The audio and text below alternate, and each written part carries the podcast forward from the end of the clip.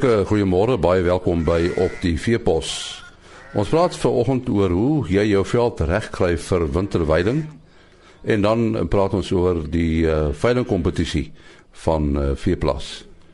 Professor Henny Snyman is uh, verbonde aan die departement vee, wild en veilingkunde aan die Universiteit van die Vrystaat. En uh, ja, die winter is net om die draai. En uh, mens moet nou seker daarna kyk om jou weiveld gereed te kry vir die winter. Nou en nie daar was 'n baie 'n plek uh, waar daar redelik droogte was, die reën het laat gekom. Wat is die dinge wat mense gedagte moet hou as jy jou weiveld reg wil kry vir die winter? So en eintlik kan mens dit eintlik so in twee dele verdeel. Die die vorige seisoen uh, was groot dele van ons weiveld besonder droog. En dan nou die afgelope seisoen was daar nou weer goeie opvolgereën met miskien nie by Kersfees wat dit 'n dip gevat het en dan in die najaar weer goeie reën. Ons kyk net eers na die vorige seisoen se se besondere droë periode. Ek het opgemerk in die veld dat soveel as 30% van jou goeie grasse, jou klimaksgraspolle het het sekere tekens van afsterwing weens die droogte getoon. So nou moet die boere onthou, daai vorige seisoen moes hulle eintlik minder diere aangehou het want daar was grootskaalse polafsterwings. So baie van daai polle het, het nou eers herstel met hierdie goeie reën. Maar nog steeds dink ek die boere moet nog minder diere aanhou om te kompenseer vir daardie verlies. Nou as ons nou kyk na die afgelope seisoen. Die eerste helfte van die seisoen het dit besonder goeie opvolgreën getoon in baie uh, weivelddele van ons land. Ek het in die veld geloop en en sommer net in 'n vierkante meter het ek maklik 3 tot 4 nuwe saailinge opgemerk. So daai saailinge is eintlik 'n uh, 'n abnormale ding. Gewoonlik in ons droë dele oorleef daai saailinge nie. Maar dit is die die die groot waarde van die opvolgereen. So wat die boere nou moet doen is daai saailinge moet hulle nou oppas dat hulle volwasse plante kan word. Hoe gaan hulle dit regkry om nog steeds bietjie minder diere aan te hou? Nie net vir die vorige jaar se se polafsterwing nie, maar ook om hierdie saailinge 'n kans te gee om volwassenheid te bereik.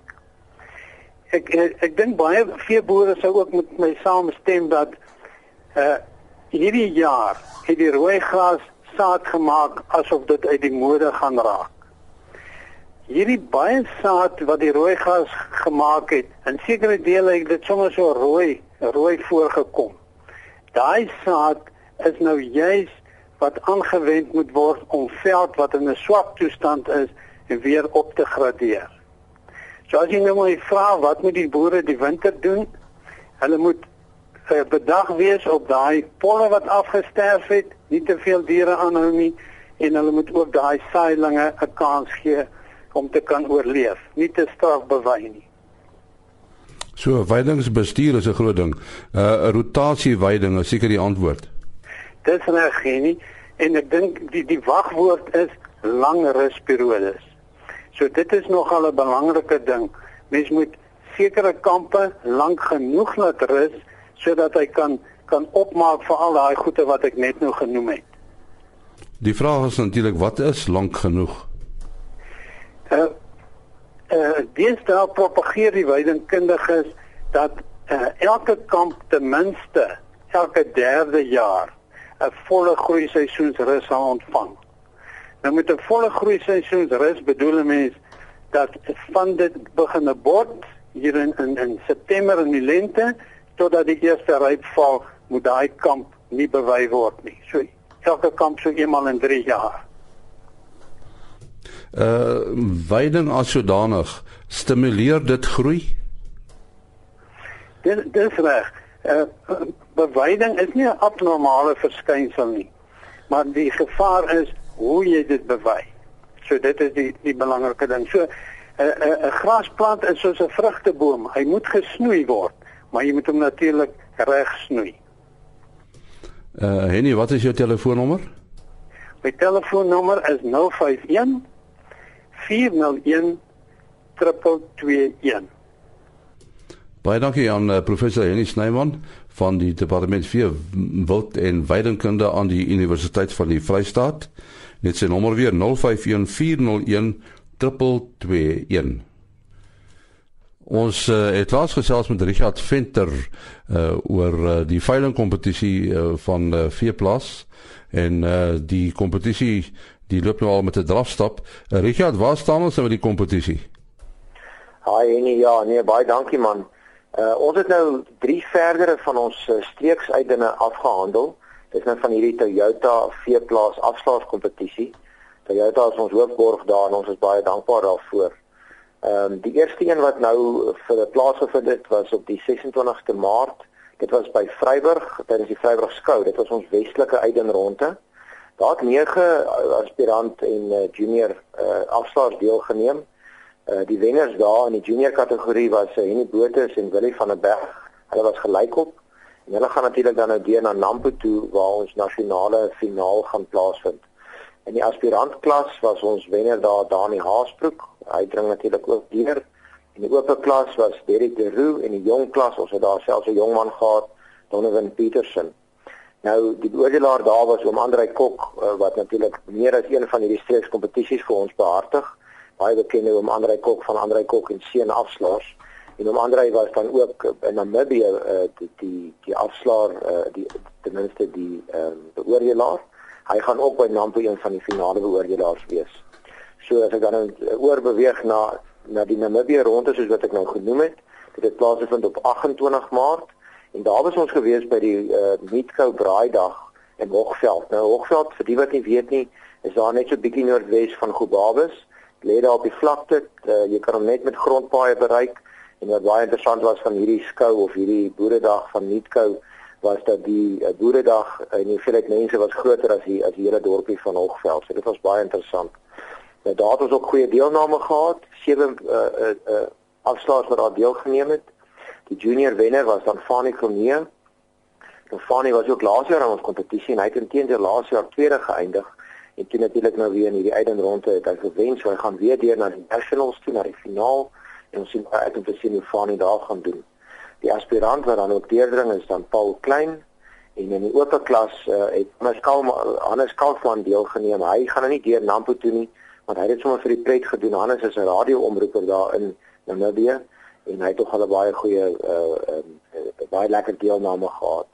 En soos ek voorgenoem het om Andre Kok ons dan daar ook ons beoordelaar. En dan die ander streek uit in wat plaasgevind het was in Bathurst in die Oos-Kaap. Dit was dan ons oostelike uitdenronde op die 27ste Maart.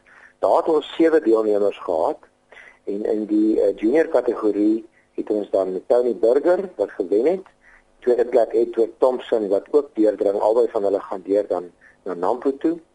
En die aspirant klas Dani Horn hy kom actually uit die Wes-Kaap uit en en hy gaan dan deur uh ook deur na Nampo toe. En dan die oordelaar daar in die Wes-Kaap wat vir ons gehelp het daar was oom Dallas Ken. So dit is dan die uh, die die tweede derde en vierde van ons streeks uh, kompetisies wat plaasgevind het. Die eerste een was die was die die die Noordstreek wat ons oor gepraat het al En hierdie vier is dan die eerste vier uit sewe streeks uit en rond is. Ons beplan dan nog die Wes-Kaap en Natal en natuurlik die sentrale streek ehm um, wat by Bloemfontein plaasvind einde van April tydens die Bloemfontein skou. Uh die verandering hierdie jaar is nou natuurlik die streekkompetisies.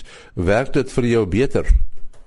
Ja, weet jy, en dit werk eintlik baie goed want ek dink ons uh, alhoewel die standaard van die ouens wat deelneem baie hoog is, en ook so al waar ons soms 7 of of 8 of 9 deelnemers het bring ons ongeveer die helfte van daai ouens deur en help dit ons tog om net 'n bietjie ehm um, uh weet deur die deur die talente sif en dan net daai ouens deur te vat na Mputu wat dan op 'n baie hoë vlak teen die ander streke gaan gaan meeding. Dit gee ons ook die geleentheid om uit 'n paar van die ver afgeleë streke waar ouens nie verlede jaar kon so ver reis om by die by die nasionaal uit te kom wat verlede jaar in Bloemfontein was om hulle dan ook 'n geleentheid te gee om uh, om dan deel te neem aan hulle streek en dan nou as hulle dan deurdring word uh, hulle natuurlik geborg deur Toyota om dan deur te gaan uh, om in die finale by Nampo deel te neem. So dit is 'n baie goeie model wat ons toepas hierdie jaar dink ek. Miskien net weer, uh, wat is die doel met die kompetisie? Is dit om meer afslaers uh, te laat belangstel in die beroep of, of wat is die doel presies? Ja, uh, nee, ons vind dat die jong afslaers en met jonk is nie altyd net jonk ouderdom nie, maar jonk in ondervinding. Ehm um, sukkel baie keer om in die bedryf uh, uh, weet te penetreer en om en om eintlik werk te kry, voltydse werk. So hierdie skep hierdie kompetisie skep 'n platform vir die jong afslaers om om om om nie net te oefen en deur die, die, die deelname nie, maar om 'n goeie terugvoer te kry en hulle self verder uh, te te uh, te kwalifiseer of dan verder te verbeter deur terugvoer van die beoordelaars, maar ook baie belangrik om raak gesien te word deur die die afslaershuise. En van hierdie ouens werk natuurlik binne in hierdie afslaershuise en hulle gebruik dit as geleentheid om 'n bietjie uit te staan en raak gesien te word. En ander ouens is is ouens wat graag in daai uh, in daai beroep wil inkom. Dis dis die dis, dis nou die aspirant kategorie, maar wat tans geen uh, kontak in daai beroep het nie. En dit gee hulle die geleentheid om dan nou meer in daai bedryf in te kom. Dit was uh, Richard Venter van Veeplaas. daarmee ook die einde van ons program. Môreoggend is ons terug. Tot dan. Mooi loop.